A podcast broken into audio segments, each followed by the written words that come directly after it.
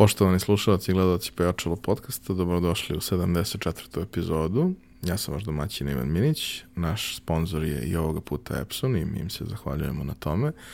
A moj današnji gost je moj dragi prijatelj e, i veliki navijač Manchester Uniteda, što je jedna od stvari koja nas spaja, ovaj, Đorđe Đokić Đoca.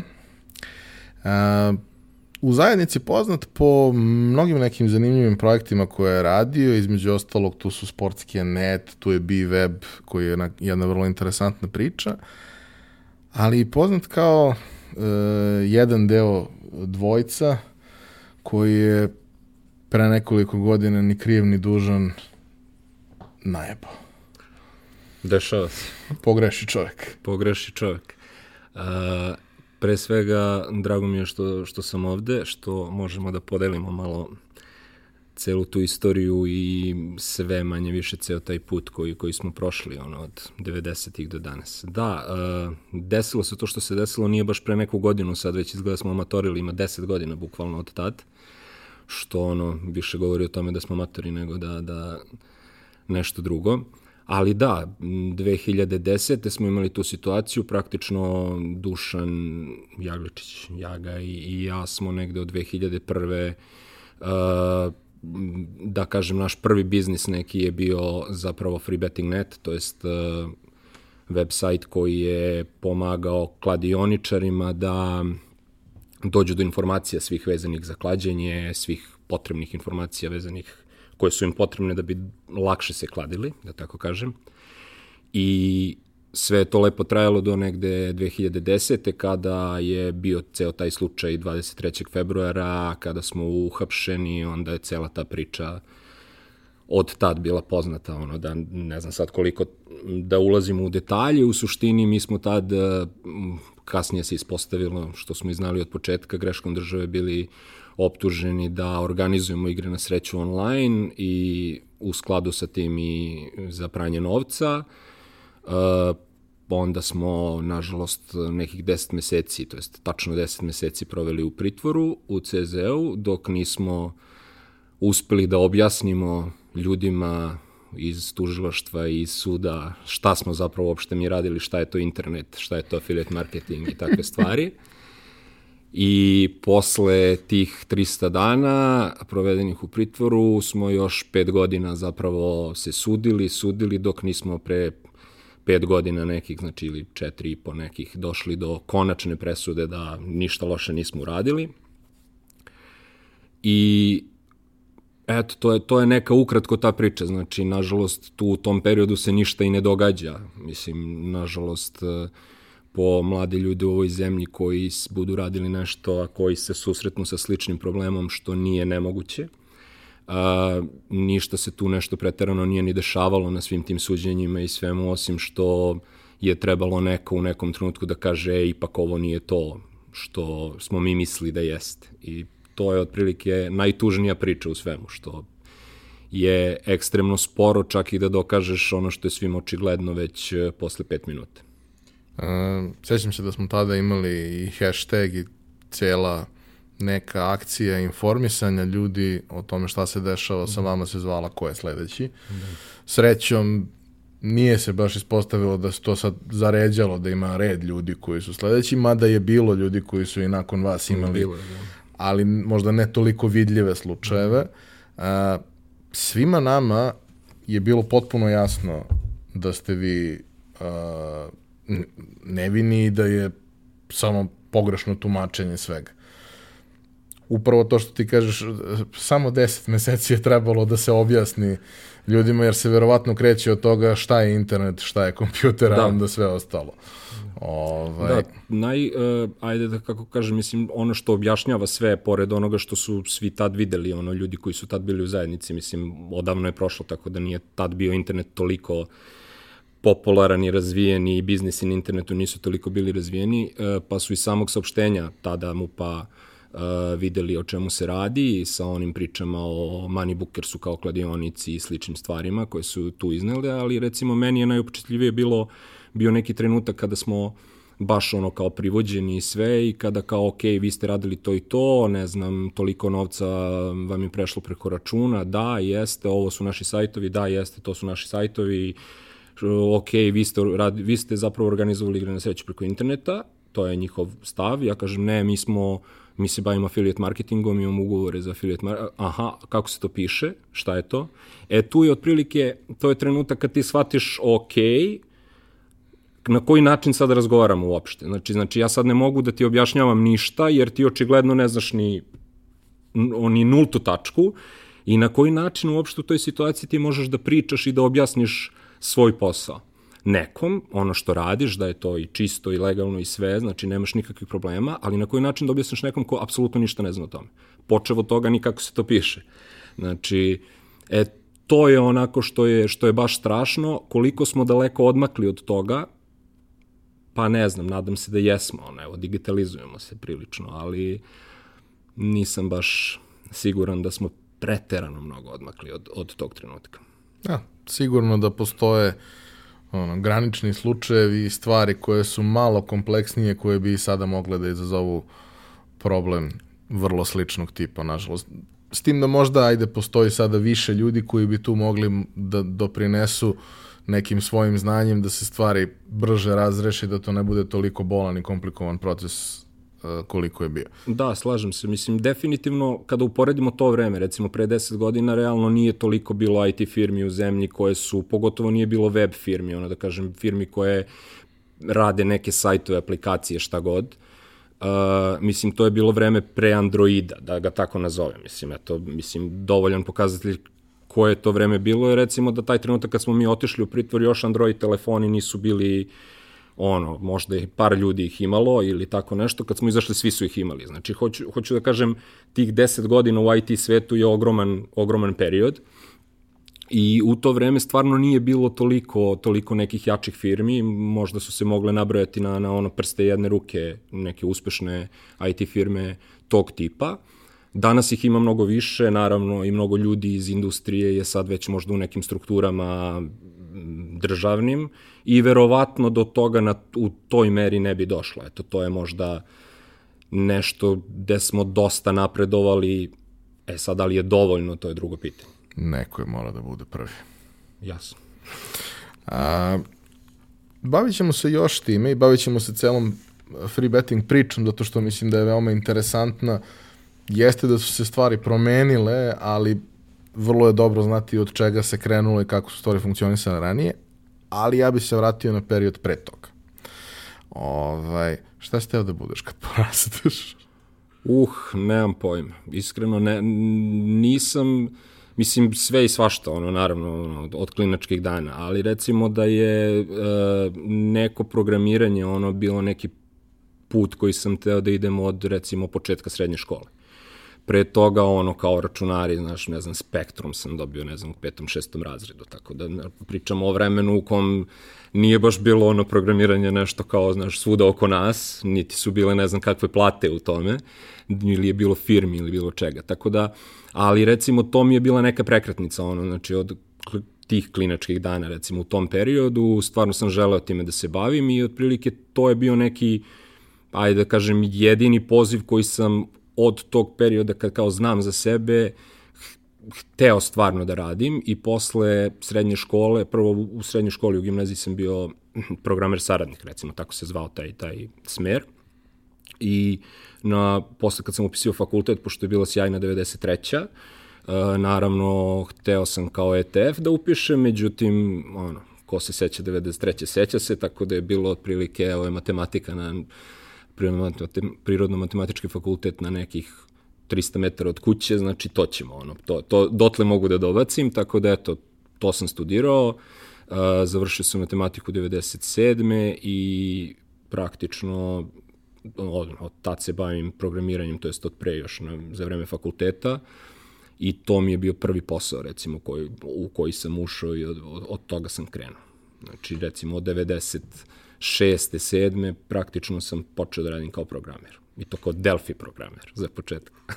I na čemu si radio u tom periodu? Šta, šta se radilo uopšte? Kako su izgledale ono, IT firme u tom periodu? Pa, Mislim, pazi, iz vizure tebe kao klinca koji ulaziš u to. Da, pa pazi, nije ni bilo IT firmi. To je pr, ono, kao programerske firme, to ja se ne sjećam da je postojalo. Znači, bilo je firme koje prodaju računare, pa kao ajde sada napravimo neki u to vreme ono kliper aplikaciju za vođenje knjiga. To je bio plafon otprilike, do, dotle moglo da se dobaci. Uh, sad ne kažem, možda je bila poneka, ali to je bilo onako baš, baš mizerno. Moj neki prvi posao je bio da sam počeo da radim u, u Namenskoj, to jest u fabrici oružja u Kragovicu kao programer. To mi je bilo odmah posle fakulteta prosto nije bilo programera i ono kao nije trebala ni veza, ni bilo šta, malte ne. Uh, tako da ono kao dođeš i radiš, do duše i to mi je onako bila neka velika životna škola, prvo što upoznaš ljude koji su potpuno različiti od tebe, a opet su prošli neku, i oni su programeri, i oni su prošli neke, neke škole, ali tu sam otprilike video kako funkcioniše država na neki način, pogotovo u tom periodu, jer to su bile ono sjajne 90. I stvarno negde ono kao nisam sebe video long term u tome, ali eto, to mi je bio neki, neki prvi posao, a nekih spoljnih u to vreme IT firmi, ono, ne, to je bilo ono kao prodajemo računare, usput uradimo to i to je to. E, tako mi je bilo negde do 2000-te kada, to je 99. recimo, kada počinju malo da se otvaraju firme i tu sam tad prešao u document management, to je neka firma koja je radila aplikacije za document management, jeli? I tu sam kod njih radio i neko vreme i onda sam otišao u Nemačku, počeo sam da radim tamo u jednoj uh, web firmi praktično i to mi je neki prvi korak sa, prvi uh, kontakt, kontakt sa, sa firmom koja se bavi uh, ono, izradom aplikacija, sajtova, bilo čega. Znači, do tog trenutka apsolutno nikakvog dodira nisam imao s tim, osim što sam neki HTML pravio, neki sajt za radnički, ono, lokalni, to mi je bilo kao, to mi je bio ono prvi sajt koji sam napravio, zapravo sajt uh, futbolskog kluba radnički koji tad, ja mislim da, ne znam, možda su Zvezda i Partizan imali sajtove neke lokalne i, i ja i ja ga smo pravili taj, taj, to mi je ono kao super priča. Međutim, ništa van toga stvarno nisam radio i onda se desila ta uh, situacija koja je ono kao, treba da imaš malo i sreće u životu, verovatno u nekom trenutku. Taj konkurs za, za tu firmu Virtual Team u kojoj smo radili, koleginice i ja, je bio veoma zanimljiv jer naravno ja pre toga apsolutno ništa nisam znao. Oni su tražili Perl programere. Ja otprilike nisam znao ni šta je Perl. Mislim, ono, kao pročitao sam pre odlaska na intervju i e, naravno nisu mi izabrali pošto birali su dva čoveka koje će da odu kao u Nemačku na obuku i onda da rade tamo ili da se vrate, već o tom potom. Naravno, mene nisu izabrali i e, izabrali su tu moju drugaricu, koleginicu i e, Dinketa. Dinketa znaš, tako da e, mislim, možda bude i gost u nekom trenutku ili šta već, pozdrav za Dinketa, i e, međutim, pred odlazak na, e, na put, desi se da Dinketu treba žena da se porodi, i Dinke u poslednjem trenutku odustane od, od odlaska, od promene posla, od odlaska u... Mislim da je trebala da se porodi, ali ono, ajde sad ne držim za reč ili nešto drugo bilo, ali mislim da je baš to bio, bio glavni razlog. I uh, Dinke tad ne ode na, na to, a oni pozovu mene i onda ja sa mojom drugaricom Ivanom uh, odem tamo i praktično to mi je bio neki prvi upliv u web i onda i prvi korak, pazi, 90. su bile period u kome ti ne putuješ, ti se sećaš, ajde, bio si mlađi u tom periodu, ali opet to je period u kome ti čak i ne putuješ u inostranstvo, to je ono kao ne, ne treba ti viza za bilo kakav odlazak negde, za vizu ti treba pozivno pismo, ono, dećeš ti prijatelju, kakvo, kakvo inostranstvo. I onda uh, praktično u tom periodu 90-ih, ja se ne sećam da li sam izašao iz zemlje neki put. I to je bilo veći, većinski je bilo takva situacija. I onda je meni ta, e, taj odlazak tamo bila, bila ono, neverovatna promena. Prosto, jesam bio pre toga u Nemačkoj, znači ono kao klinac, e, ali to je bilo ono kao prosto ne, mogu da uporedim, ovo, skoro sam, ono, relativno skoro sam bio u Americi, pa ta razlika između recimo Evrope i Amerike nije, ni, koja je ogromna, jeli, nije ni izblizu razlike između Srbije 90-ih i odlaska tamo da radiš praktično, ono kao odlaska u kancelariju, gledanje mladih ljudi koji rade neke konkretne normalne stvari, a pritom se sve to dešava u trenutku kad te uh, gazde te firme u kojoj smo mi radili gazde, mislim, šefovi, ono, CEO-ovi današnji, uh, oni imaju po 19 godina. I ja dolazim kao praktično drugi najstariji u toj firmi, a zapravo početnik. I baš je onako bila drastična promena. Po povratku smo praktično krenuli da radimo free betting, jer sam vidio kao, ej, ljudi tamo rade poslove, ono, kao na netu, ono, plaćaju, rade, kao tamo se okreću neke pare, kao što ne bi mogo i ja odavde to da, da probam da radim, da vidim nešto što me zanima, da, da probam da prenesem. I tako, tako smo zapravo i krenuli u celu priču. I kako je izgledao u samom početku uh, free betting? Šta je to sve podrazumevalo? koja količina vašeg angažmana je bila potrebna. Ja sećam se da je to onako dosta veliku požrtvovanost yes. ovo, iziskivalo. Pa pazi, uh, bilo šta što radiš, ono, kao, ajde, skoro sam, mm, naš, slušao onaj podcast uh, na Markov, uh, imali su, da li je Ognjen Beše Vuković bio gost, pa su pričali baš o tom kao da li work smart ili work hard ili u suštini ti kad počinješ, ne, prvo ne znaš ništa, realno. I iskreno ja tad, ono, kao, vratili smo se, kao znao sam malo programiram u Perl. Mislim, to je otprilike, ono, tri meseca sam imao obuke programiranja, eto, toliko sam znao da programiram. Uh, I ti suštinski ne znaš ništa. Tako da taj prvi period, naravno, moraš ono work hard, uh, maksimalno hard. I malo pre smo pričali o tome, znaš, sediš i radiš, ono, ima nedelja kad ne izađeš iz sobe i radiš na tome, zato što prosto uh, uh, želiš da napraviš nešto i a ne znaš ništa, pa pri tom moraš i da praviš i da učiš i da vidiš kako, a bio je to i period kad nisi baš imao milion ljudi oko sebe koji se bave istom stvari. Znaš, I još pritom, ono to, ono, verovatno ljudi ne mogu ni da zamisle sad, imao si daje lap. Znači imao si daje lap, a pošto sam imao i dvojnika, onda baka sa od komšinica moja dođe pa kao, evo, možeš, molim te, treba se čujem sa čerkom da prekineš vezu. Znači, prosto to je period u kome ti daš sve od sebe, ali naravno nemaš nikakve garancije da će to uspeti jer niti imaš koga da pitaš šta treba i kako treba i onda se boriš, ono, gledaš, istražuješ, učiš, čitaš i radiš, probaš. Mislim, nemaš neku, neku alternativu, ali je osnov da budeš napaljen, praktično da imaš neku ekstremnu strast prema tome da stvarno veruješ da nešto možeš da napraviš u tome. Tako da smo mi free betting počeli, eto, prvo kao neki mini portalčić, koji eto daje neke kao informacije, neke savete, nešto i onda se to polako razvijalo kako smo mi učili šta možemo da isprogramiramo, kako smo učili kako smo polako ulazili u svet SEO-a, u svet uopšte marketinga ili ne znam, growth hackinga današnjeg, ono, nije se baš tako zvalo, ali prosto sve, sve si morao da naučiš sam, suštinski, I išlo je to korak po korak do negde 2003. četvrte kad smo shvatili da da je to zapravo nešto što može da bude ozbiljan biznis. Kad je to već počelo da definitivno zahteva da ono nemaš ništa drugo što radiš i da se potpuno posvetiš samo tome. I od tog trenutka je to već kretalo da bude firma ozbiljna i dosta ljudi i sve. Taj neki moment koji kažeš na početku, ono kad kao, naročito ako si mlad pa nema šta pametnije u životu, a i ako si dovoljno napaljen i stari i dalje nema šta pametnije u životu, ti u suštini moraš da napraviš sve.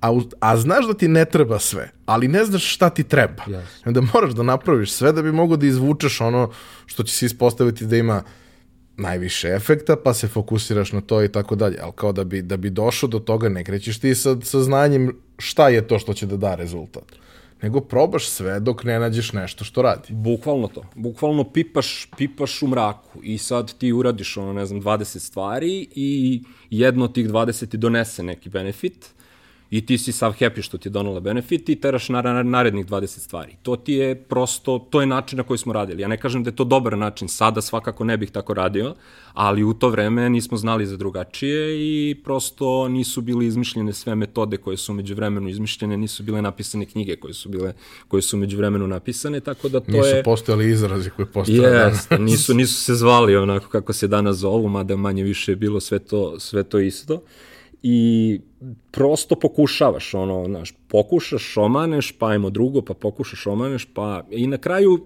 i dan danas tako radiš, mislim, suštinski. Ne možeš da budeš siguran baš šta će uspeti od stvari koje... A šta je bio business case? Kako je funkcionisao biznis deo priče?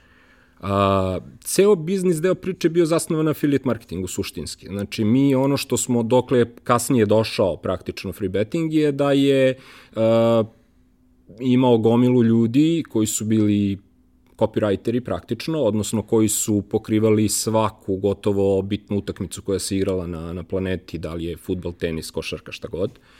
I uh, uz obradu svih informacija, tako da praktično neko ko voli da se kladi, kad dođe na sajt ima apsolutno sve što ga zanima u utakmici koja ga zanima, bilo da je to, ne znam, neki tamo švedska druga liga ili, ili premijer ili United.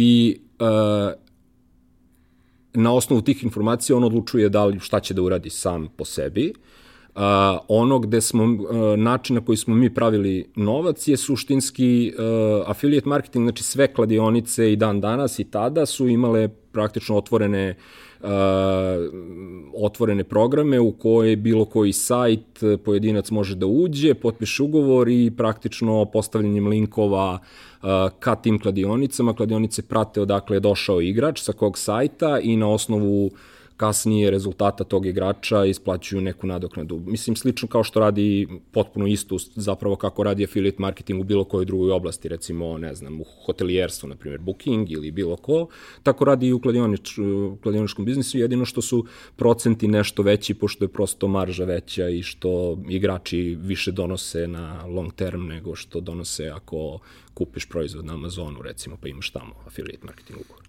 A u suštini je varijanta, dakle ti imaš sve informacije tu i ispod toga imaš izlistano gde yes. sve možeš da se kladiš, koje su toga, kvote i da, is... sam igrač bira gde želi da, da ode da, da, da se kladi. Ispod toga ti nakon informacije u kojoj kažeš čoveku sve, na primjer, evo ti statistika sa tih svih mogućih utakmica, head to head stats, eh, ove godine, prošle godine, pre 10 godina, ko igra, ko ne igra, gde možeš da gledaš utakmicu, na kom live streamingu, na kom sajtu, bla bla. Ne, uh, da li je neko povređen, nije povređen, kako, taktička zamisao, mislim, bukvalno sve što možeš da zamisliš o, to utak, o toj utakmici je rađeno i onda na kraju ti kaže, ok, ako hoćeš da igraš, ne znam, na home win, uh, odnosno pobedu domaćina, onda ti je najbolja kvota u toj toj kladionici, ako hoćeš da igraš na draw, naj, najveća kvota ti u toj kladionici, tako. Znači imaš uporednu analizu i kvota, i na osnovu toga ti odlučuješ šta ćeš da igraš, e, eventualno dobiješ savet, kao mi mislimo da ova utakmica deluje da će se završiti sa dosta golova, recimo, pa sad ti prijatelju vidi da li se to slaže sa tvojim mišljenjem ili već igraš šta god ti padne na pamet. Uh, u principu, uh, tu nije model toga da ti njima kažeš šta, postoje i takvi sajtovi, ja, da tako kažem, i razvili su se i kasnije sa onim kao dojavama, Uh, to nije model koji suštinski radi long term, ono gde smo mi suštinski dobijali je zapravo ogroman trafik koji smo imali, uh, praktično smo na sajtovima na različitim jezicima, pošto smo imali sajtove i na, ne znam, turskom, španskom, uh, uh, imali preko 50.000 recimo zbirno ljudi dnevno na sajtu i onda prosto na tu količinu ti dobijaš veliki broj ljudi koji uh, takođe imaju bonuse, imaju razne stvari koje ono, evo, polako dolazi kod, kod nas posle 20 godina.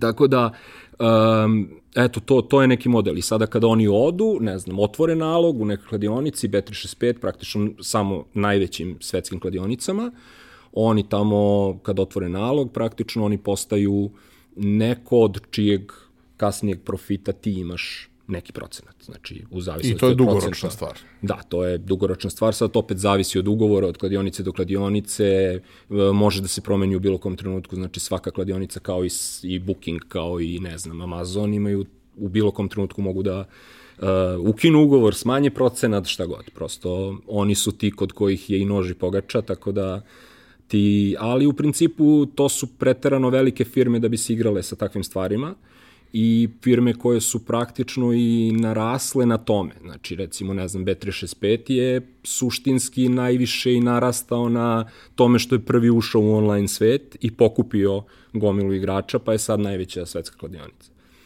Nisu bile u to vreme najveća kladionica, nije bio B365. A kaži mi, e, svi, svi ti, da kažem, dogovori koje se prave, okej, okay, jedna stvar je ti odeš, otvoriš nalog, isklikćeš nešto, dobiješ svoj affiliate link ili sistem za generisanje toga da.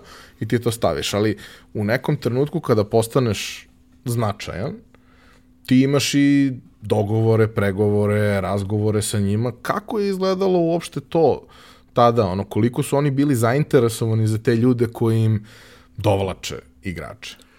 Pa bili su zainteresovani, pazi, uh, uh, ono što recimo u tom, u tom biznisu uh, zanimljivo, postoje recimo neke affiliate konferencije koje, koje su se u gambling svetu organizovale još uh, tamo negde od, ja mislim, šeste godine ili tako nešto, 2006. godine.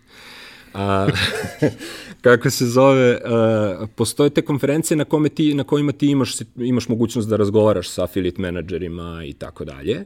Imaš mailove, naravno. I da, kad si veliki, u smislu kad dovodiš veliki broj igrača, onda imaš mogućnost oko pregovora, oko uslova i oko svega. Uh, i naravno možeš dobiti i veće procente nego onih što su ponuđeni u, ili da obezbediš neke dodatne bonuse ili tako nešto. Znači sve je to sa stvar pregovora kao i u svakom poslu. Ono što je entry level je to što vidiš na sajtu. Naravno nećeš dobiti više od entry levela koliko god si sposoban u pregovaranju ako ne kreneš da imaš ozbiljan trafik i ozbiljan broj ljudi koji im šalješ, ali uh, naravno, kad dođeš do te granice, onda možeš da postavljaš i svoje uslove i da pregovaraš o procentima, o bilo čemu.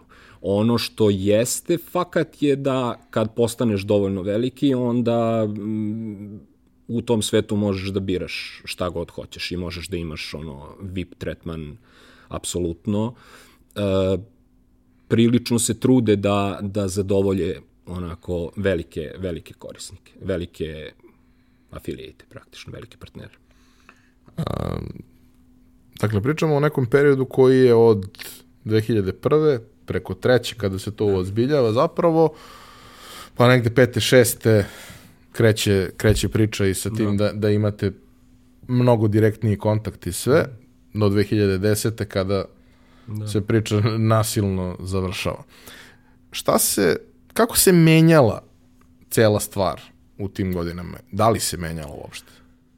Pa menjala se, znaš kako, menja se, uh, ta industrija se menjala uglavnom, pazi, ja uglavnom pričam o sports betting, uh, jer smo mi u tome bili, uh, postoji taj drugi deo koji je kazino, biznis, koji je nešto drugačiji i o kome stvarno nikad nismo ni radili, niti imali nekog uspeha, ima u Srbiji dosta ljudi koji su mnogo bolji, mnogo više pametnije mogu da ti pričaju o toj temi.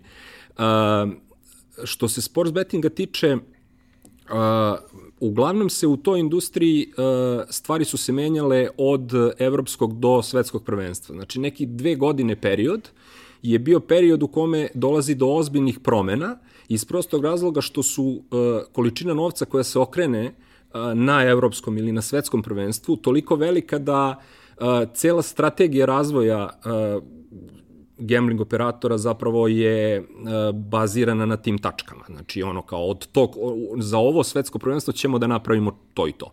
I taj trenutak, nažalost, je bio mnogo Uh, zna, baš značajan je bio taj trenutak kad, kad smo mi prestali da radimo, nažalost, je, jer je te godine, ta 2010. je bio baš ono o, ogroman boom. Znači, od negde od 2001. pa nadalje ta, ta industrija je rasla, rasla, rasla, ali 2010. je bio neki ključan trenutak, tadašnje ono svetsko prvenstvo, ja mislim da je bilo, Južna je Afrika.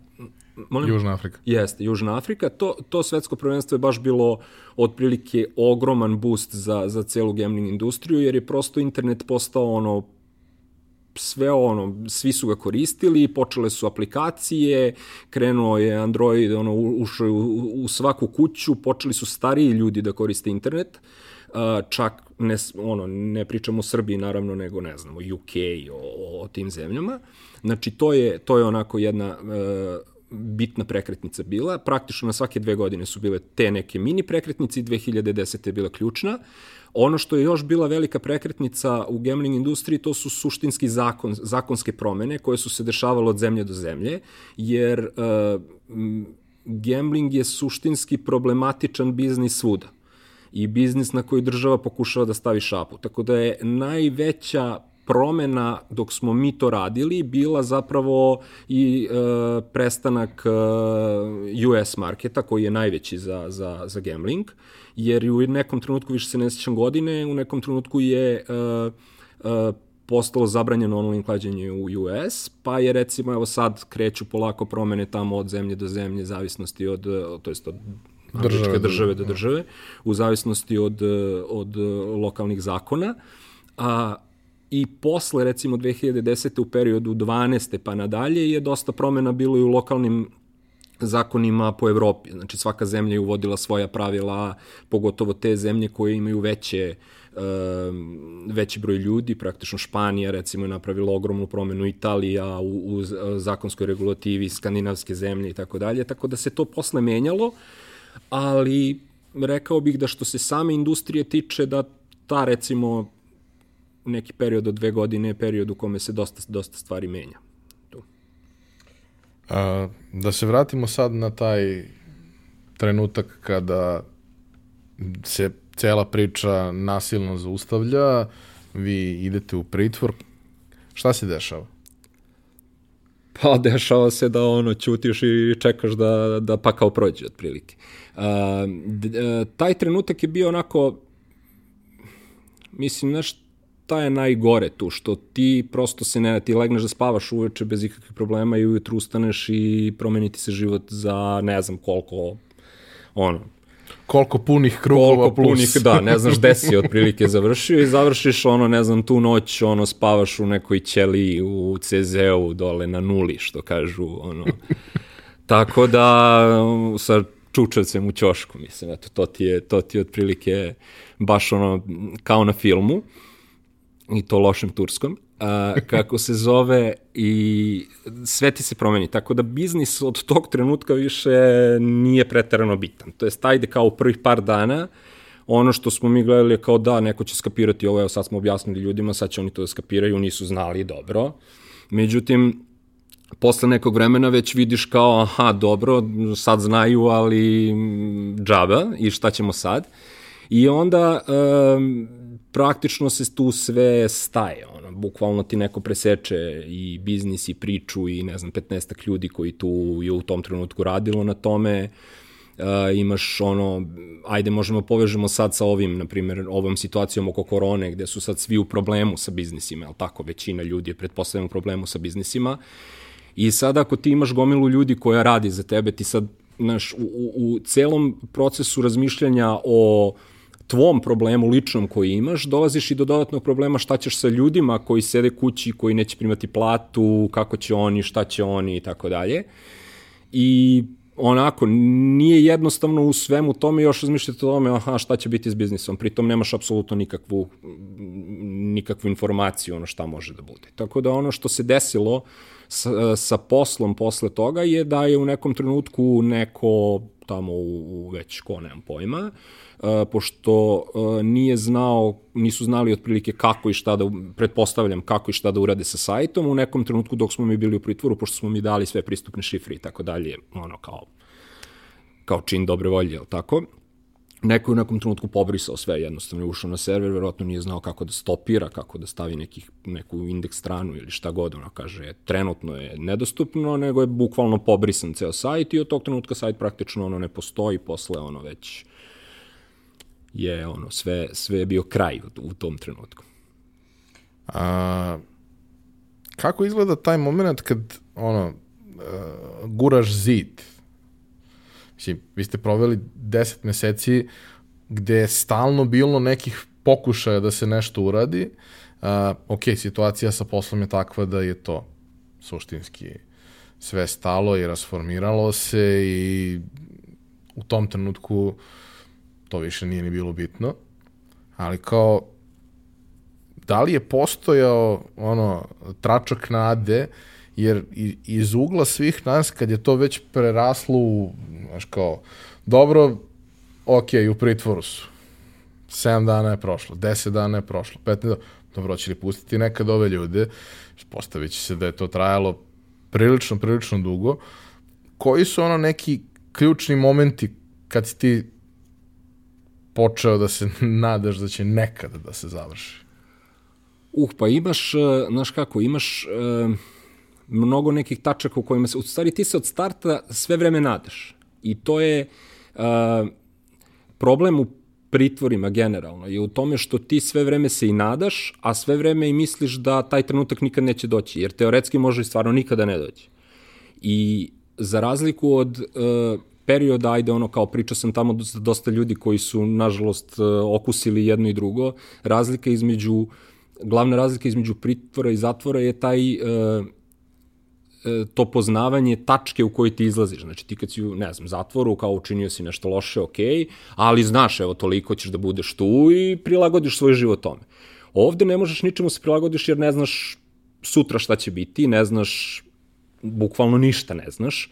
I onda je tu užasno, užasno teško za psihu to podneti. Taj osjećaj nemoći i taj osjećaj s kojim se praktično nikad nisi suočio jer uh, ceo život ono si naučio da razmišljaš tako što rešavaš neke probleme, ali tako imam problem, ah, ok, sad ću da se potrudim da ga rešim, nema ko drugi da mi ga reši, ili ajde, naći ću neko ko će da mi pomogne da ga rešim. E sad si ovde u situaciji da bukvalno ne možeš ništa, imaš naravno advokata koji se trudi, ali ti naravno vidiš u nekom trenutku da ti on kaže, znaš, sad ne, ne možemo ništa, možemo da čekamo jer prosto trudimo se, radimo sve, pokušamo da im objasnimo, ali kao šta da im objasnim kad je sve jasno. Znači šta ćemo sad da, dalje da, da radimo i onda ti čekaš. I sad imaš neke trenutke u tom periodu, recimo mi smo šest meseci bili u pritvoru bez optužnice, što je onako prvo, jedan vrlo zanimljiv uh, podatak, jeli, nije baš normalno. Znači, i onda kao, ok, ajde kao, prvo hoće li da podignu optužnicu, uopšte da znam šta hoće na kraju. Na kraju čekaš kao taj šest meseci, što je već ekstremno dug period, a do tih šest meseci svakih 5 dana misliš kao evo sad će neko da shvati tamo pa će da kaže dobro ajde dosta je bilo. I onda posle šest meseci, baš ono, taj zadnji dan, to se sećam, je bilo ono trenutak kao, e, okej, okay, nije stigla optužnica. Kao, da, šest meseci, moraju da te puste, kao zakonski. I onda optužnica stiže, ne znam, u sedam uveče, znaš. I onda kao, aha, dobro, sad čekamo suđenje. Ajmo sad čekamo suđenje, evo na suđenju kada objasnimo sudiji, onda će onda kaže to je to. I sad ti dođeš na suđenje on ti kaže, aha, ti kažeš to, ali tužilac kaže ovo, ne, morat ćemo da idemo na sledeće suđenje. Pa onda opet čekaš dva mesta sledeće suđenje, pa smo tada imali situaciju, ne znam, kao odlaže se sledeće su, ono, čekaš ga dva, a odlaže se što pa zato što, ne znam, sudija ima tatonov slučaj u to vreme, kao on je veći prioritet, ok, idemo, na, i onda na kraju je na drugom suđenju praktično, znači drugi put kad smo izašli kod sudije i kad je prvi put izašao i vešta, kad su pitali neko kao ko se razume u bilo šta, e onda je bilo ok, ja kao nema više razloga da ih. Znaš. I onda, eto, to je, to je, ti sve vreme se nadaš, ali i sve vreme strepiš, jer kao ko zna koliko ovo može da traje, znaš, možda traje još godinama, imaš ljude koji su godinama tamo. Mislim, to je, to je strašno. To je baš strašno. Da. Mislim, i ovo vaše je bilo Dobro, jezivo, strašno. ali, znaš, kao nekako, mladi ste ljudi, Da. Dobro ste, zdravi ste, zajedno ste, imate neki ono, mari, bakar jedan na drugog možete da se oslonite, jeli, u toj celoj priči, tu je i porodica, ima, da. ali mislim, znaš, kao sama ideja i sa, sa ove distance deluje potpuno strašno. Da. I onda izađete. Da. I onda izađeš, ali pošto traje još uvek proces, je tako, onda suštinski kao ne znaš više šta možeš da radiš, ne znaš gde smeš da pređeš ulicu, gde ne smeš, da li ono baš, znaš, prilično je taj težak period bio par godina posle toga.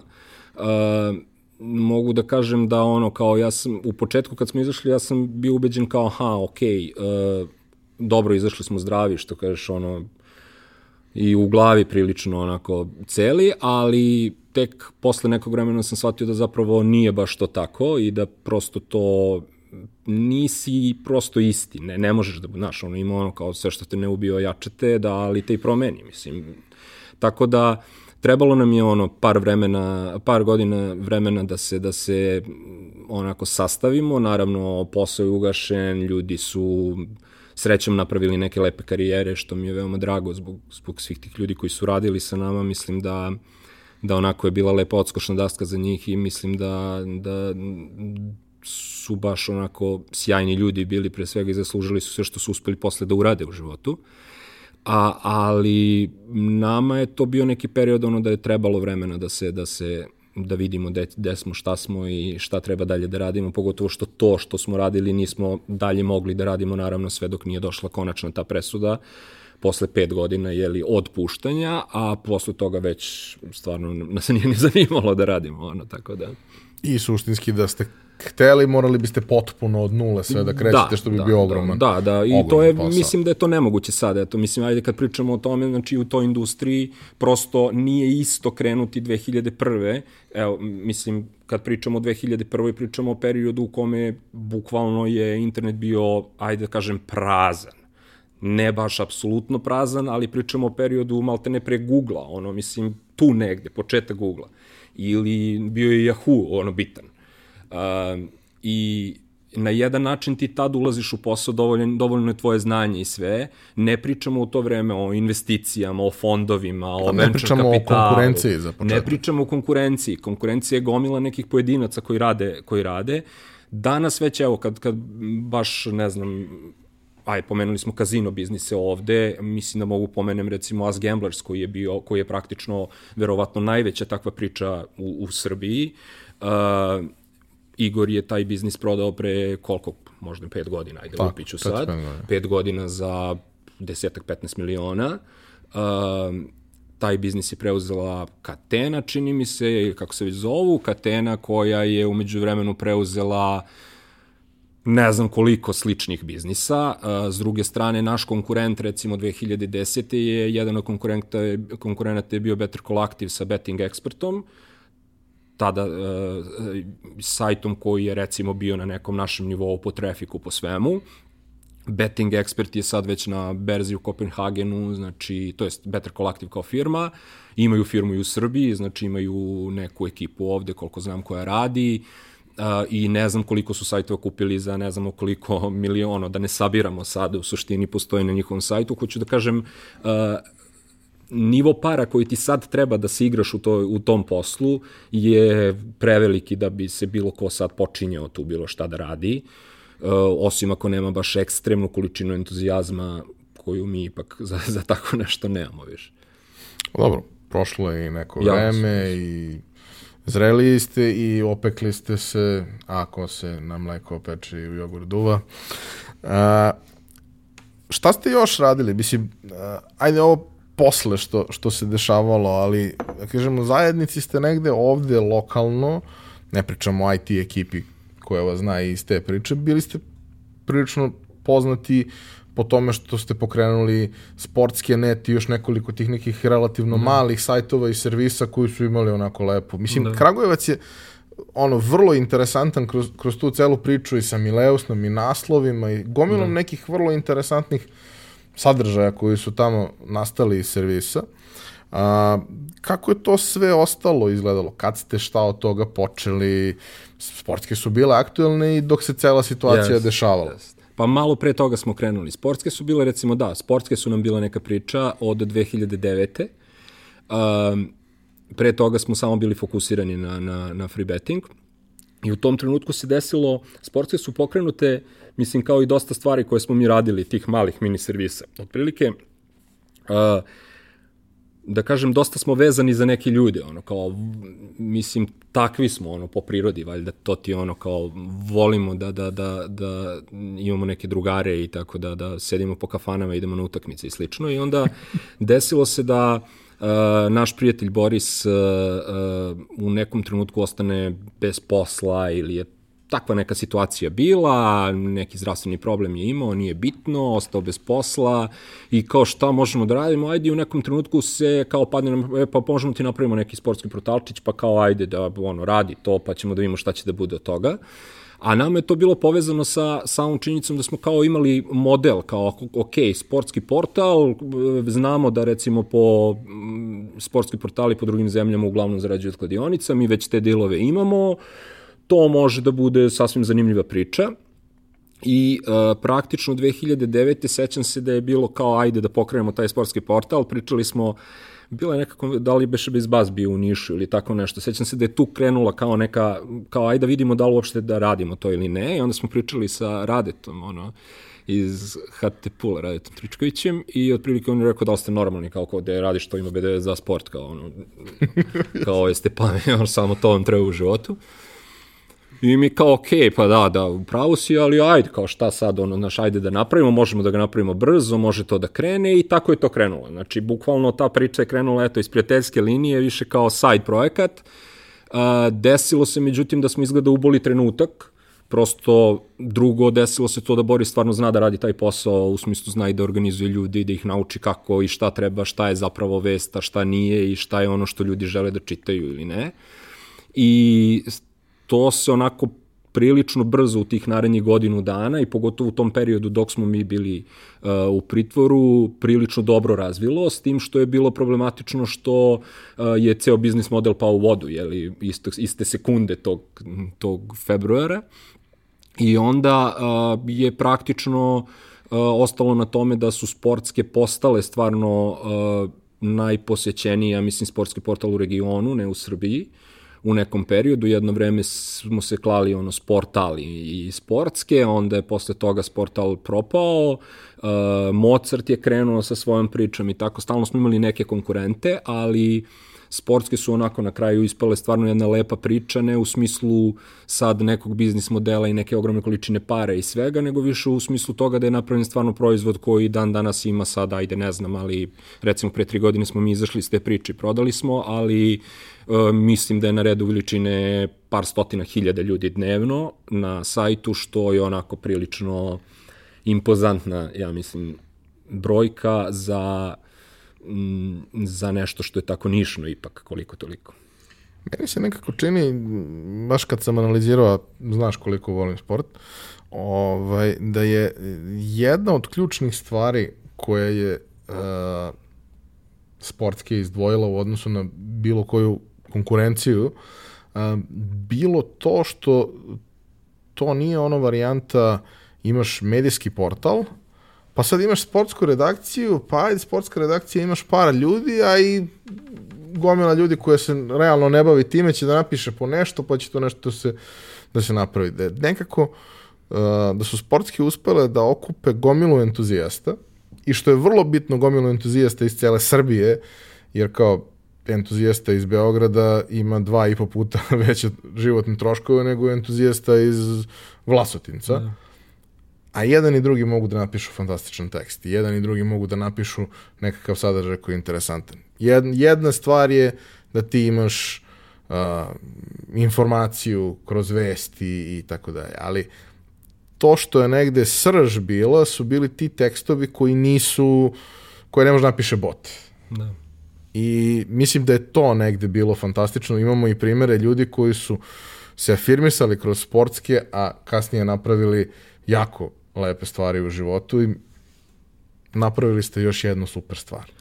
Pa jeste, mislim, ja sam ekstremno zadovoljan kako je to na kraju ispalo. E, e, prosto pra, mi smo zapravo kad, kad su krenule sportske bile su uh, jedna od bitnih stvari je baš to što si pomenuo. Prosto imaš gomilu ljudi u Srbiji, mislim Srbija je suštinski centralizovana, je tako, oko svega, pa što ne bi bilo i oko sporta i imaš ono Zvezdu i Partizan, ali imaš gomilu ljudi koja Znaš, ono, nije, nije im baš Zvezda i Partizan najbitniji u životu, iako razumem ljude kojima jeste, ok, uh, svako ima pravo na svoje ludilo, je tako?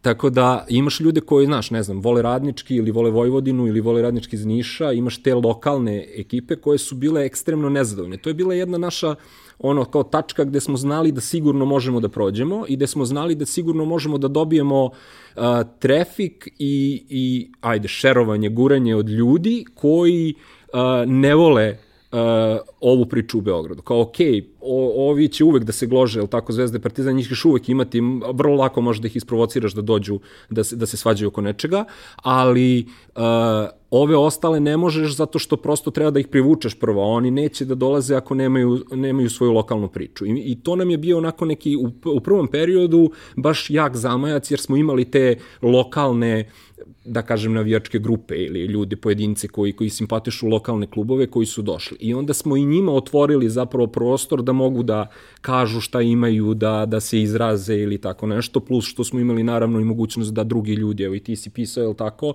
ali i gomila nekih drugih ljudi isto van Beograda koji ne mogu suštinski da dođu u situaciju da pišu za BDS2 ili za Blic ili ne znam za koga. tako da, a, da, otvorile su prostor I, I dan danas mislim recimo da su sportske, ajde sad možda ću pogrešiti, ali mislim da su jedini neki takav tip portala van Beograda ili van nekog glavnog centra, čak i možda Sarajeva, Zagreba, ne znam da, da li tamo ima takvih, uh, a da im je i sedište i cela redakcija skoro i sve van, van glavnog grada, što je onako prilično interesantno. Možda recimo Južne vesti, ali opet su one lokalne. Da, da, i oni se bave samo teritorijom priča. Južne Srbije. Jeste, jeste. Znači ovo je baš onako neka, neka lepa priča i e, ekstremno ono što mi je drago je što smo imali jasno izražene neke redakcijske stavove koje je Boris prilično dobro vukao, a koji su onako nisu bili niz dlaku, da tako kažem, sa, sa ljudima i da smo imali i dan danas mislim da sportske imaju ekstremno veliku podršku ili ekstreman broj ljudi sa strane, to jest iz Hrvatske, iz Bosne, koji ne prepoznaju tu bilo kakav problem, što nisam siguran da drugi, drugi portali imaju. Prosto uh, jasni smo bili u tom stavu eto koliko, koliko smo mogli da budemo društveno odgovorni, da tako kažem, da, da, da probamo da radimo na tome da, da, da, da, da ujedinimo tu, tu neku zajednicu, recimo, koja je jako i gde drugde onda u sportu maksimalno podeljena. A, pored sportskih, bilo je tu raznih nekih drugih stvari, ali posebno interesantna priča je priča sa Bivebom, zato što je to opet izlet u nešto potpuno drugačije i novo, a, posebno što je bilo i e, projektno finansirano u jednom periodu. A, hajde ti meni objasni prvo kako je ideja, pošto znam kako je, ali mislim da je interesantno. Da. A, otkud ideja i onda kao kako ste pristupili celoj stvari. Uh, gledaj ovako, znači kad smo, uh, Dušan je pre nego što, uh, već pre nego što smo uhapšeni, znači on je već otprilike imao ono potrebu da izađe malo iz kancelarije i tad je imao nešto par košnica, ono kao, ja sad ću ja da uzmem kao par košnica, pa ću ja deci koje su, jer njemu je uh, stari sin tad imao uh, šest godina, znači, uh, bilo je kao, e sad ću ja da uzmem se bavim, pa će on sa mnom da ide malo da pčelari, da idemo da se družimo i to, naravno, ono, put u je popločan dobrim namerama, jel? kako se zove i uh, ono, to je, to je bila neka ideja početna, uh, međutim, eto, desilo se šta se desilo i posle toga uh, mi smo zapravo imali priličan problem da sedimo u kancelariji ili da sedimo u kući ili u zatvorenom prostoru, da. što je logično, tako? Tako da, pošto smo imali taj problem, to pčelarstvo recimo je bilo prilično zanimljiva stvar, pogotovo Dušanu, ajde on se na taj način borio, ja sam se borio možda malo putovanjima i takvim stvarima. I uh, on se stvarno uneo prilično, prilično ga je zainteresovalo i stvarno je postao ozbiljan pčelar. On sad ima, ne znam, stotina košnica, tako da onako nije, nije više hobista, sad je, sad je ono pčelar.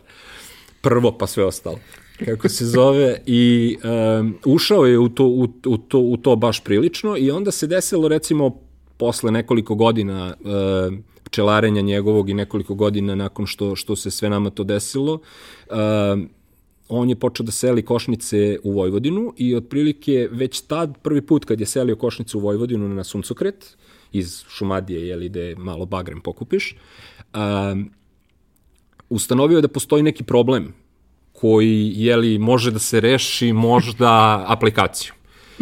I e, pričali smo mi naravno o tome, pričali smo sa nekim čelarima tu, kao aha super da, moglo bi to, ali to nema šanse, mislim, i otprilike je bila varijantama ko će to da pravi, to ono, nema, nema, mislim, ko sad da, da pravi takve stvari, mislim, nema tu ni para, nema ni ničega, i e, i kako uopšte doći do tržišta i svega, nije nam bilo sad kao sad ćemo to da uzmemo da radimo. Međutim, onda se desi da nam prijatelji jave za, uh, iz Vojvodine za neki projekat koji je uh, se zvao Fractals, koji je bio Sense institut uspeo da dovuče nekako u Srbiju, više ne znam kako, kako je sve to išlo, to je EU projekat bio. I bio je uh, projekat baš namenjen za uh, firme koje se bave povezivanjem IT i poljoprivrede na bilo koji način. I kao ajde, pošto smo naravno pričali o toj ideji tim drugarima, onda su oni rekli, je, pa ovo vam nije loša i kao vidite, ili možda, možda možete da uzmete neki novac pa da probate to da napravite.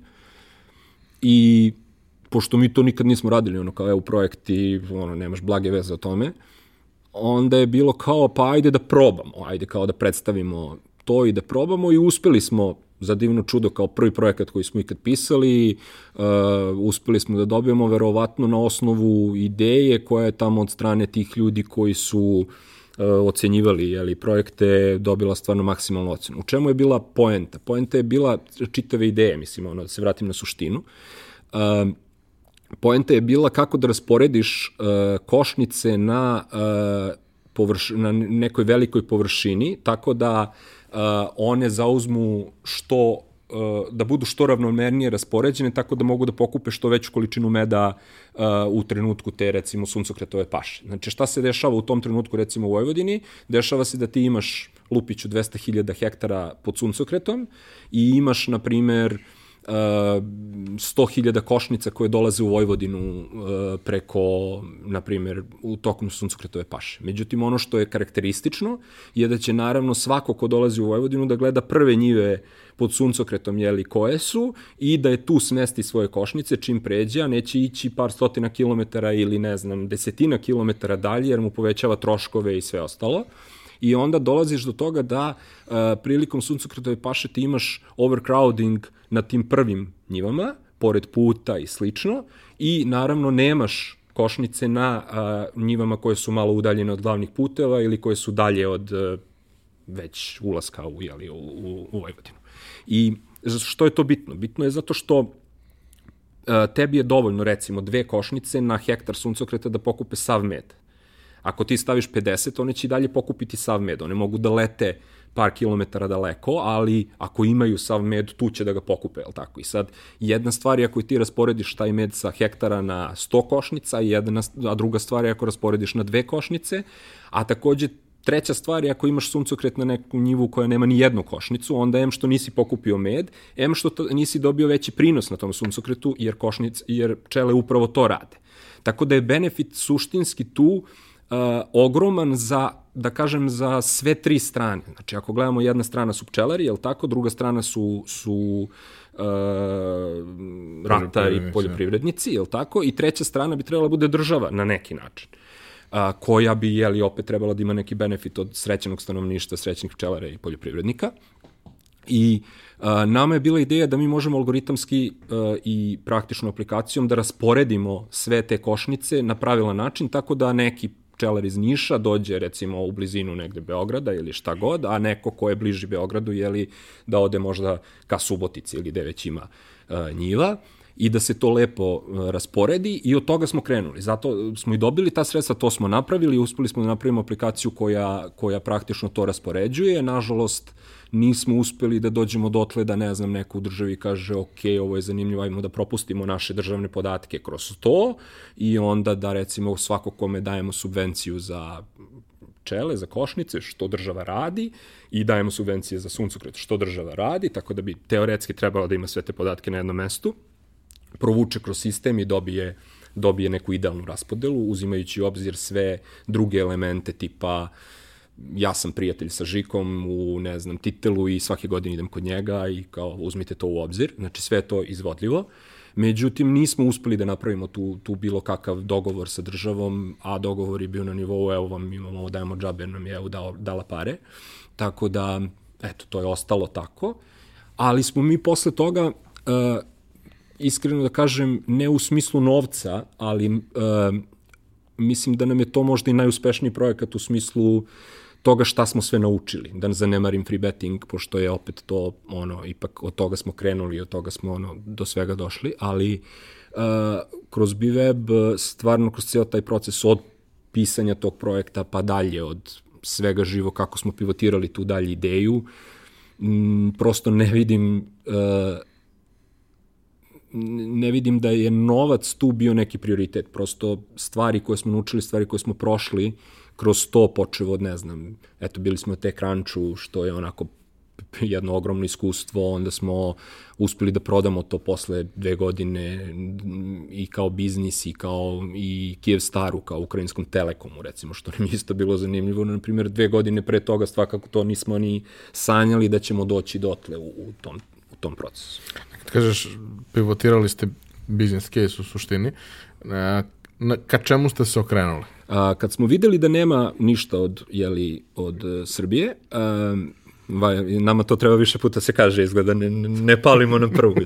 A, kad smo videli da toga nema ništa, onda otprilike a, a, proučavali smo američko tržište koje nam je bilo kao, ok, kao verovatno tamo, tamo to može da prođe, onda smo shvatili da tamo stvari funkcionišu potpuno drugačije, što naravno nismo imali pojma, jer nismo baš toliki pčelari bili u tom trenutku.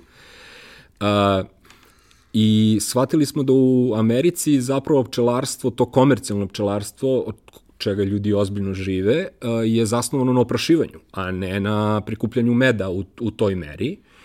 I kad smo to malo bolje proučili, shvatili smo da bi ta naša aplikacija malo drugačije postavljena, znači ne orijentisana na neki algoritam, na neke ogromne površine, nego na jednu individu, odnosno na jedan par, mogla da radi, tako da smo ga praktično pretvorili u neki marketplace za oprašivanje.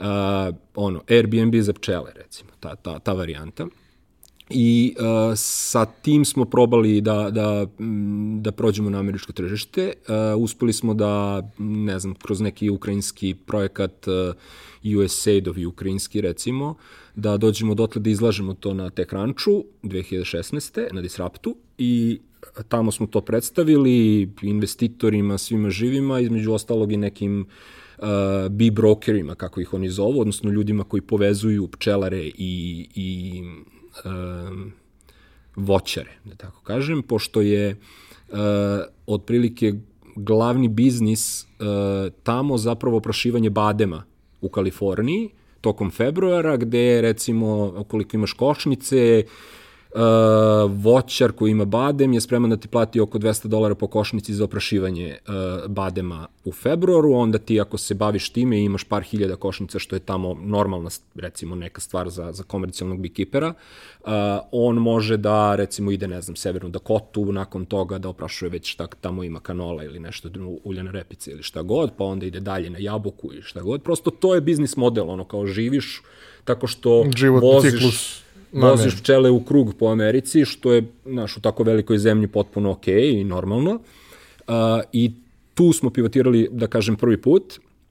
I onda smo, uh, to je recimo bilo stvarno sjajno jedno iskustvo, taj, taj tech ranch i uopšte upoznavanje cele te kulture tamo, to mi je recimo fascinantno bilo. Ne kažem da mi odgovara, samo da je bilo zanimljivo videti i proći kroz sve to i kroz tu količinu ljudi spremnu na sve da bi dobili investiciju.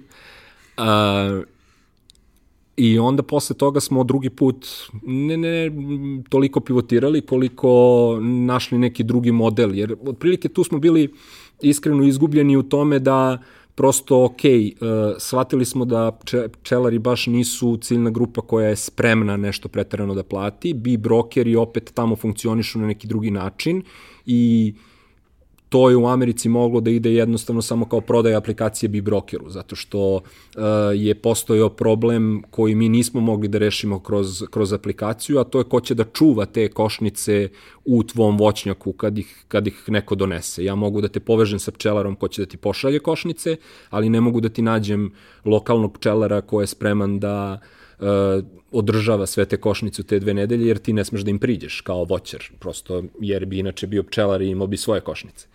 A, I onda a, se desila situacija da smo uspeli da napravimo, zahvaljujući tom teh ranču, jedno lepo partnerstvo, kasnije smo prodali deo, udeo u firmi Data Lab Agru, jer smo shvatili da prosto sami pčelari nisu dobra ciljna grupa, ali svi poljoprivrednici jesu ciljna grupa i onda nam je trebao partner koji dobro poznaje poljoprivredu, koji ima aplikaciju za sve poljoprivrednike, da tako kažem. Data Lab Agro koji je praktično deo Data Laba, slovenačke firme, mislim da imaju predstavništvo i u Srbiji neko. Uh, Data Lab Agro praktično ima aplikaciju koja, ne znam, senzorima meri nešto u štalama, krave, pa onda, ne znam, poljoprivrednici njive, pa vremenske prilike na neko, mislim sad laički onako uh, da čisto da se zamisli šta je situacija i otprilike njima je falio pčelarski deo, nama je falilo sve ostalo, tako da smo otprilike ušli u, u, u taj deal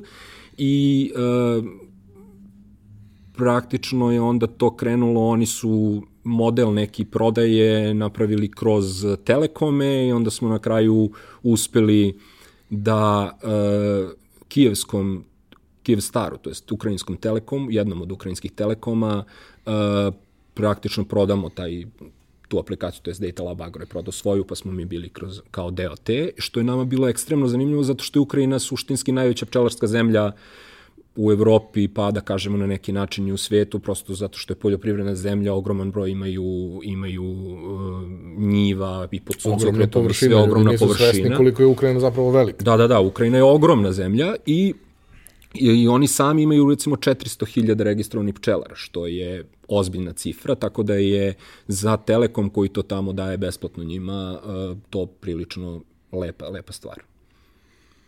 I šta je priča sada sa, sa Bivebom? Pa sada je priča da je korona, mislim, pre, pregovara se sa drugim telekomima, taj deo već sad nije u našoj, našoj funkciji, mi radimo na produktu, to je to, da tako kažem, a ceo taj dalji razvoj je na Data Lab Agru, Uh, tu naravno ima nekih pregovora je sad dokle su došli šta i kad će se to nastaviti i kad će uopšte život krenuti ponovo, to vidjet ćemo. Mislim, ali onako priča je zanimljiva, kažem, uh, zanimljiva je recimo, volao bih da stvarno dosta ljudi uh, iz industrije recimo porazmisli o prostorima za recimo povezivanje raznih stvari u poljoprivredi sa IT-em, zato što je prostor ogroman s jedne strane, a s druge strane je problem što je mali broj ljudi koji se tu razume. I sad prosto da bi, da bi povezao ta dva, ti moraš da imaš razumevanje iz obe oblasti. E, tu imamo problem i to ko bude uspeo da reši, ko bude uspeo da napravi dobru ekipu s obe strane, mislim da može da napravi proizvod koji, ono, da ne kažem, ono, ali stvarno nije glupost koji može da spasi planetu, jer u ozbiljnom smo problemu uh, long term i sa hranom i sa svime. Uh, ti si sad u nekoj fazi koja je negde slična ovaj, mom het, ja, ja sam mlađi, to duše. Ali taj moj neki heterski stav da ja svaki dan kolegama u firmi pričam kako jedva čekam da idem u penziju i kad će više ta penzija i tako dalje. I pričali smo malo pre o tome i nije poenta u penziji kako ljudi zamišljaju penziju, ono kao odeš u penziju i onda igraš šah i u nekom trenutku umreš. Poenta je da penzija meni, a i tebi ispriča koliko vidim, simbolizuje to da ne moraš da radiš. Nemaš ti problem da radiš. Ti hoćeš da radiš. Samo hoćeš da nemaš taj pritisak da nešto moraš. Mm. E sad, proživeo si to što si proživeo I, ok, prošle su i neke godine i sve, i došle su neke godine, i klinci više nisu toliko mali. Šta je tvoj plan za dalje? Kako ti vidiš sebe za u narednih pet godina? Pa eto, za par godina da, verovatno će biti neka penzija, ali ne penzija baš to što, što, što smo i pričali. Ne mogu da zamislim sebe u situaciji da ono kao ne radim ništa. To, to stvarno ne mogu da zamislim i ono kao imam situaciju u kojima, ne znam, ono, žena i deca odu kao u, u tazbinu na, na par dana, ja sedim kući kao sam i šta radim kući pa radim. Mislim, ono, uzmem, radim nešto što, što mi je zanimljivo. Ono, nije baš, ono, prosto to mi je, ono, ok, vidiš se sa prijateljima, popiješ ovo ono, ali u suštini kad sedim kući, mislim, to mi je zanimljivije nego da gledam film ili, ili ne znam, seriju ili, ili, ili tako United nešto. u poslednje vreme. Dobro, United, ono mučenje je bilo, ali evo sad se vraćamo, tako da, da. Tako da sad nije toliko strašno. Ne, mislim, uh, ali tako da to, to ne mogu da zamislim, ali uh, da radim nešto za svoju dušu, da, ono, i između ostalog ne bi ni voleo da uh, što kažu da bez obzira na neko obezbeđivanje materijalno ili bilo šta, da te deca vide sutra kao neko ko sedi i kao ok, ne radi ništa, kao imamo novca, uh, ne znamo odakle, a i da znamo šta to, to je nekako došlo. Uh, i kao čim tata ne radi ništa, znači da verovatno i mi ne treba ništa da radimo, prosto ne, ne bih to voleo. Uh, Tako da nešto ćemo raditi sa svoju dušu, ono, nešto zanimljivo, to uvek tako izađe, ili pomagati drugim ljudima da, ono, da realizuju svoje neke ideje, svoje snove ili, ili tako nešto. To je, to je nešto što recimo volim da radim, stvarno ono nikad mi nije problem, ali uh, treba imati i tu mere. Ono. Ne, mislim da je negde bitno to i pomenuo si Ogijevo gostovanje kod drugara iz netokracije, da. gde kao ok, prošli smo fazu kad treba da radimo oko konji, da. sad treba da radimo pametno i sad realno to što znamo i to što smo prošli, niko ne uči na tuđim greškama. Mislim, skoro niko ne uči na tuđim greškama, sve, sve to ok. Ali mi možemo nekome da skratimo, da mu prepričamo tih 200 knjiga koje treba da pročita. I to je negde najveća vrednost koju imamo. Ok, ja imam 35 godina i možda ne treba da pričam na taj način. Ovaj, ali, ono, znaš ti koliko dugo radim i koliko sam mnogo radio, ista priča je i sa tobom i sa još par ljudi koji su ovde bili, koji stvarno imaju impresivne karijere za sebe. Mislim kao, ok, free betting, 19 godina je prošlo. Kao, to dete je sad punoletno. Baš. Znači, više nije interesantno baki prasetu. Da.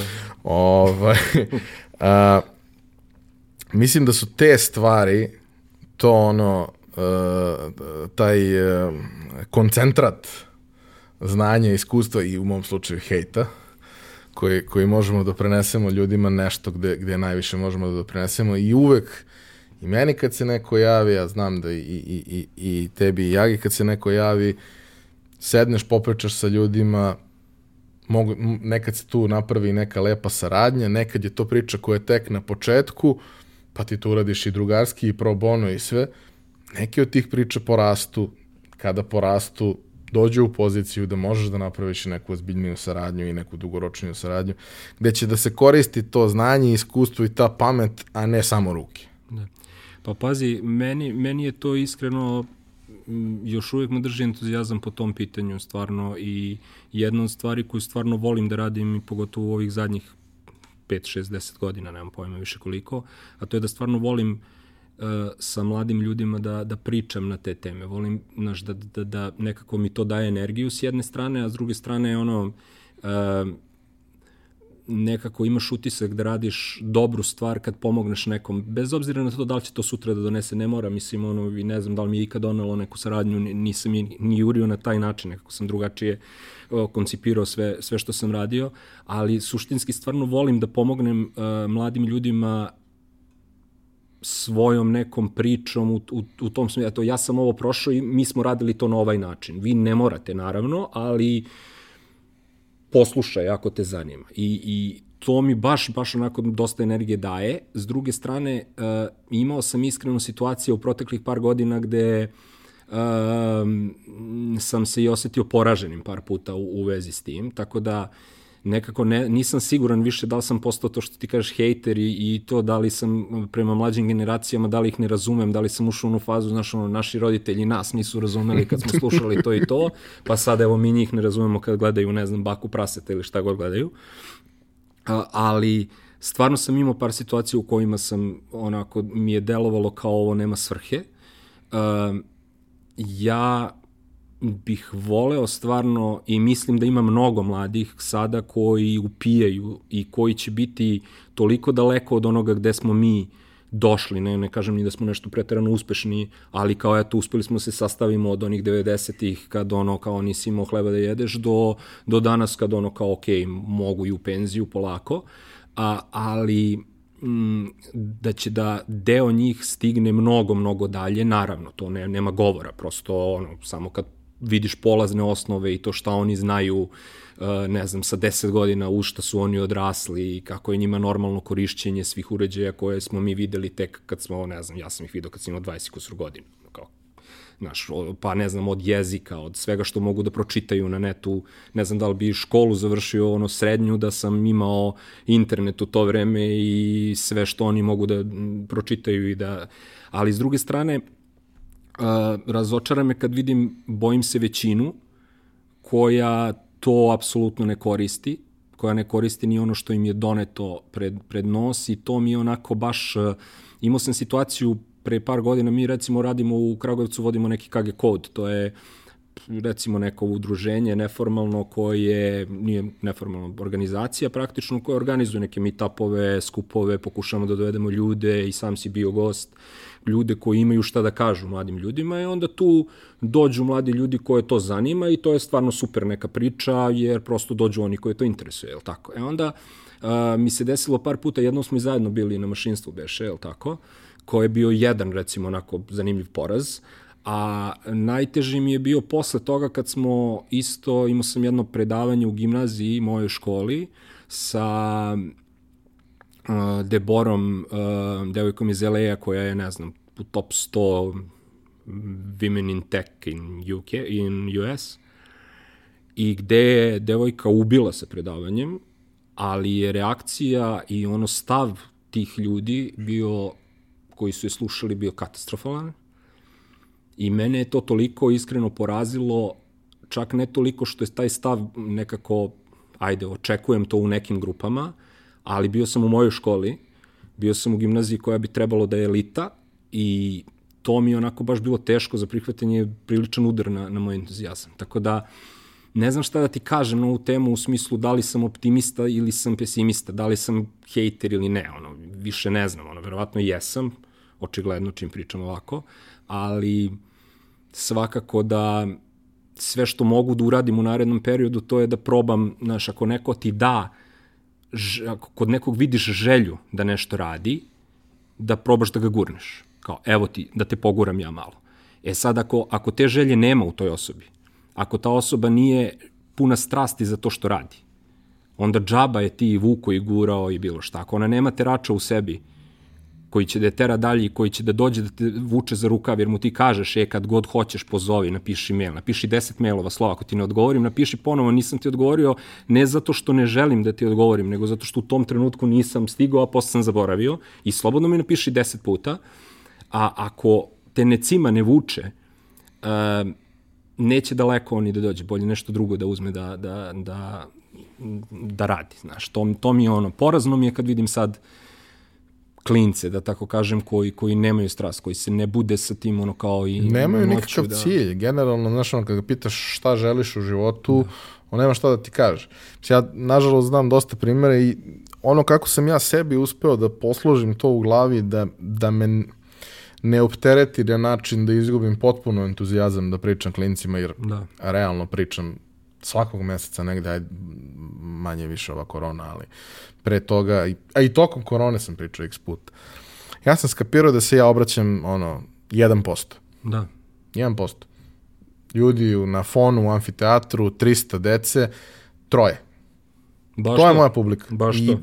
dosta mi znači, recimo, kad nađem to troje u publici, kad ono pre nego što krenem da pričam vidim ko je tu neke od njih i znam i nađem tih par ljudi i onda probam da izbegnem sve one kojima se pogled ukršta na ono 30 cm od, od, od nosa i otprilike je to to i tako sam sa svima sa kojima sam pričao do sad se negde postavljao meni se pokazalo lično da je situacija van Beograda dosta bolja nego u Beogradu iz razloga što ne postoji tolika prezasićenost yes. tim u Beogradu, stalno ima nešto i onda su ti klinci rastrzani. Ok, realno nikad nije bio problem da se napuni amfiteatar kad najave da ću ja doći, ali mnogo je mlako, mnogo je hladnije. Kada odeš u Niš, količina feedbacka koju dobijaš od tih ljudi te napuni za narednih pet puta kada će to biti ono, je li ima neko pitanja, nema niko pitanja. Da. Jeste zato što se skupe svi, znaš, tu ti je, mislim da je prost, prost razlog zato što prosto nemaju toliko događaja, pa onda kad dođe bilo ko, aha, je, svi koji, koje zanima bilo šta, a to su uglavnom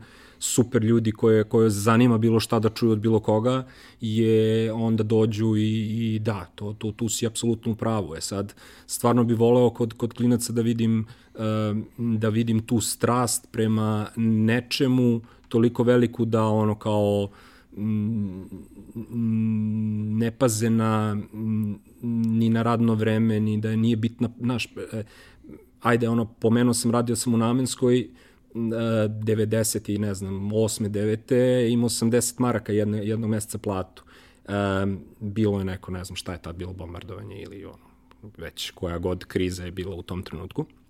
Uh, ali isto sam radio, znaš, na isti način radiš tad i na isti način radiš, ne znam, u nekom mesecu kad si zaradio ne znam koliko. Znaš, prosto, uh, jer ako radiš za platu, ok, to je skroz validno i većina ljudi to radi svakako, 90% ljudi će to ceo život raditi i to je, to je potpuno u redu, ali prosto daj svoj maksimum znaš, koji možeš da bi sutra možda išao dalje za, za neku, ne, nemoj ono čisto ono iz ne znam, nekako ono, bez veze reći, pogotovo u ovim uslovima gde nije baš lako promeniti posao, da ne ispadnem sad kao ono, life coach ili ovi, ali nekako treba stvarno da probaju, da, da u tom periodu života mogu da menjaju, mogu da, da probaju makar da promene stvari dok ne nađu ne treba im puno dok ne nađu nešto što ih stvarno zanima da mogu da grizu. Jer ne mogu daleko da odu ako, ako ne grizu.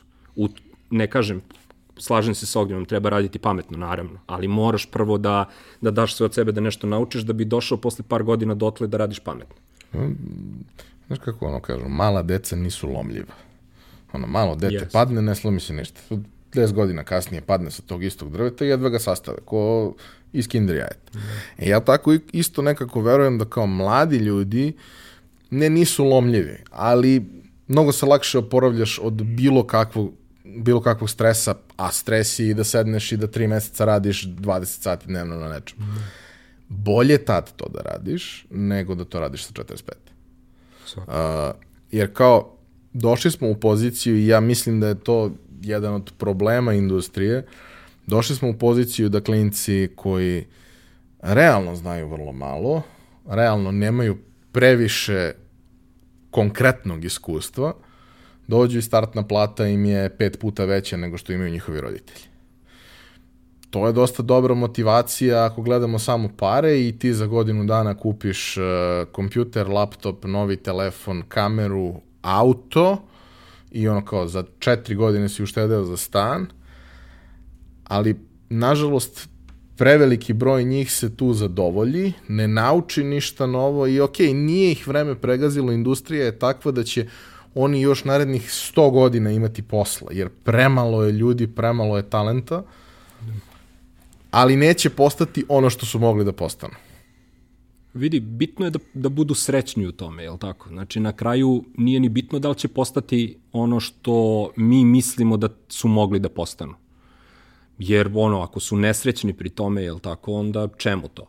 Tako da, ali nekako, uh, ne deluje mi da, uh, da, im, da je novac taj koji im donosi sreću, a onda, a ne vidim nešto drugo što im donosi i onda, eto, ali možda sam samo ono amator i hejter koji ne razume mlade generacije, što je potpuno vrlo verovatno, ali nisam onako, uplašen sam za situaciju jer se bojim da će, da će ti mladi, tih 1% koje ti primećuješ ja ili 2 ili 3% nije bitno, bojim se da će vrlo lako da odu, a onda dobijamo zapravo ovo što sve vreme i dobijamo zadnjih 30 godina, da ti ono, ovi odu, ostanu ovi kojima daj neku platicu do kraja meseca i ono kao ja probudio sam se, moram na posao i onda to, to ne obećava mnogo. Pa dobro, za jedan razgovor, dva hetera, mislim da nismo bili loši. Pa dobro, bože moj. Znaš, ja sam sto puta rekao, meni je potpuno okej okay da nakon preslušane epizode neko kaže preduzetništvo, nikad. Je, nikad. Nije, pazi, ja stvarno mislim da ono, ajde, preduzetništvo ti je generalno kao neka droga, možda izađeš iz toga, suštinski ne možeš. Znaš, mislim, ja slabo znam ljude koji su kao krenuli u ovo i u nekom trenutku, bilo kakvu vrstu preduzetništva i kao krenulo im je i izašli su iz toga i kao sad idem da radim negde od 9 do 5 ili tako. Mislim, suštinski, ako uspeš preduzetništvo ti donosi slobodu, što je ono, nema većeg, mislim, evo iz naše perspektive, nema, nema, nema veće vrednosti od toga, jel tako, da ti možeš ujutru da ustaneš i kažeš, e, danas baš neću da radim, danas mi se baš ne radi, odo ne znam gde, a s druge strane i da možeš da nešto napraviš, da nešto promeniš, da nešto, znači i, i, i ima ljudi, stvarno ima, ima dosta ljudi koji, koji prave ozbiljne priče, koji, koji mislim, uh, sigurno naš, možda nisu još izrasli u volke hejteri koji mogu više ali da... Hoće, da, ali, ali hoće. Dobro, vremenom svakako. ali e, koji mogu sigurno možda i više da, da, da, da utiču na ljude da, da, da krenu u to i naravno da svi nisu za preduzetništvo, ali bilo bi lepo da, da, da klinci napadnu to i da, da, ono, da nađu u sebi, da, da shvate da postoji razlog, da, da, da možeš posle par godina da zapravo sebi zaradiš slobodu. A to da, je ima ono... taj moment, ono, kao, kao svaki funnel. Da. Nije sporno, imaš ti te neke na kraju fanela koji su postali wow. ali da bi došli do njih mora više njih da ulazi na vrhu u tu celu priču. Mora više njih da se angažuje i da pokušava nešto stalno. I jeste, to je mnogo teško, mislim, kao, moj najveći profesionalni kvalitet je što ja nemam problem da budem loš u nečemu. Jer znam da kad počinjem nešto, sigurno ću da budem loš. Ali ću za tri meseca da budem okej, okay, za godinu dana ću da budem dobar. Neću nikad da budem kako neki mogu da budu, ali nemam problem sa tom ono varijantom. Kod nas je bre sramota biti loš u nečemu. Pa dobro, ali to ti je mentalitet, to ti je, ono, to ti isto sa onim pitanjima koje si pričao i sa onim na početku što smo pričali o 20 pokušaja da bi jedno pogodio nešto slučajno, verovatno. Ali uh, bez tih 20 pokušaja taj jedan nećeš da imaš. Znaš, iz prvog da pogodiš nešto nema teoretske šanse, mislim, ono, jedino da si baš ludo srećan. I ja ne verujem da postoji preduzetnik ono koji će sada da dođe i ti kaže, ej, ja sam ovo počeo da radim i to mi je prva neka stvar koju sam počeo da radim i ja sam to uspeo i evo sad mogu svaki put šta god treba da napravim, ja ću da uspem i da, i, i, i da pogodim. Mislim, toga nema. Ili ako ima, to je taj jedan pojedinac koji ti stvarno nije nikakav argument za, za to. Drugo, i taj pojedinac da bi ti bio argument, on bi morao sad narednu stvar koju dohvati opet da uspe. A nije, ja imam ono 50, stavio, pomenuli smo par stvari za koje mogu da kažem da su uspele, je tako? Ali imam među vremenu 50 koje nismo pomenuli, koje su apsolutno propale i koje smo radili džabe i uložili neko vreme, ali iz toga si nešto naučio. I taj pokušaj, taj, taj fail je zapravo ono najbolje što sebi možeš da uradiš kad imaš 20 godina.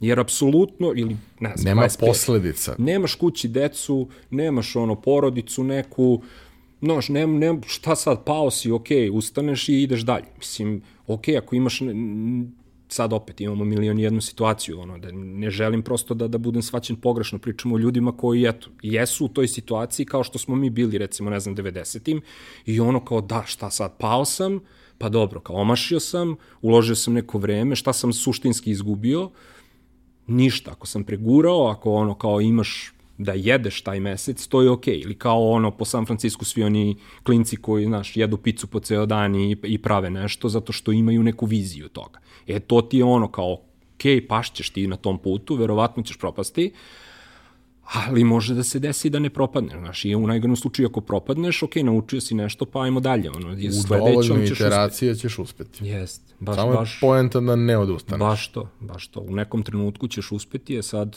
znaš, naučit ćeš više, pa i ako budeš radio sutra za nekog, ono, radit ćeš bez problema za neku platu. Samo, Bićeš samo probaj, bolji.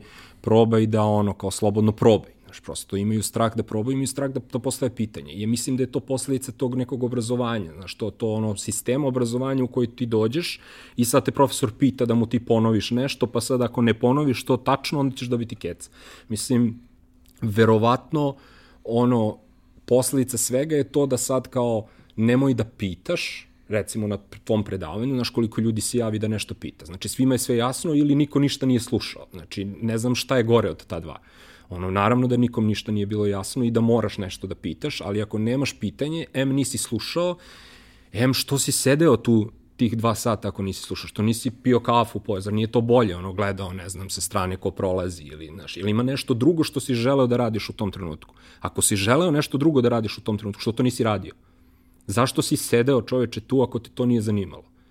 To je, recimo, meni nejasna stvar i ono, to bi bilo kao lepo, nemoj, ono, stvarno nemoj tu da sediš, nema potrebe, idi, radi to što te zanima, mislim, samo ako imaš nešto da te zanima. Ne, mislim, iskreno, x puta se dešavalo da, ne znam, na nekim manjim privatnim događajima bude 10 ljudi u publici, u kojoj ima mesta za više ljudi, naravno, ali ima 10 ljudi i sa tih 10 ljudi to bude fantastično. Ne, ne. Jer su tih 10 ljudi zapravo zainteresovani za to. I, mislim, i ja mnogo naučim u celom tom procesu i njima popalim neke lampice, pa sad, da li mi ih pogase kad dođu kuću, to nije moj problem. Ali ja sam nešto negde upalio, negde sam nekakvu ideju dao, negde sam dao nekakvu temu za razmišljanje.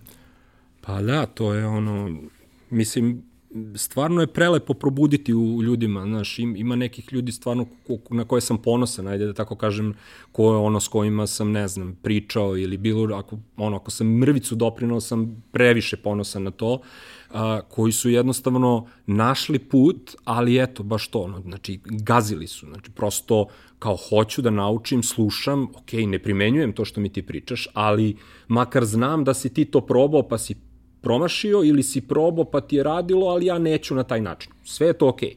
Ali prosto koriste to i idu napred stvarno. I daleko su dogurali mnogo dalje nego što, ne znam, ću sam ja ili ću ja ili, ili tako nešto. I to mi je fenomenalno. Znači, to mi je ono naj, možda i najdraže stvari u celom ovom procesu uh, ovih 20 godina je zapravo su ti ljudi. To je ono što najviše što možeš da dobiješ zapravo u životu. Pa mislim da je to dobar zaključak. Hvala ti što si bio, hvala ti što si podelio ovu priču. Hvala tebi što si mi pozvao. A hvala i vama što ste pratili i ovu epizodu i kao i do sada sve svoje komentare, ideje, predloge ostavite na YouTube i društvenim mrežama, a mi se čujemo i vidimo sledeće nedelje.